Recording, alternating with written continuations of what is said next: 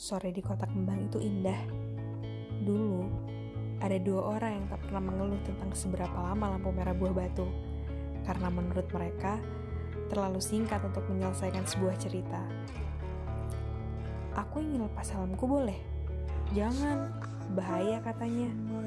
Tapi aku ingin. Aku ingin merebahkan daguku di pundakmu, biar lebih dekat. Jalan di sepanjang jalan itu, dia menatapku sesekali di pundaknya. Aku cantik katanya. Aku cuma senyum, tetap fokus dengan jalanan.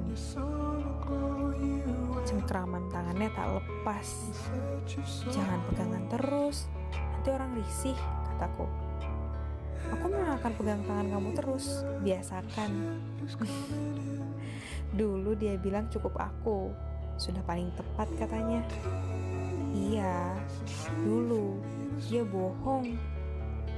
Iya, aku kira juga akan bagus akhirnya. Apa.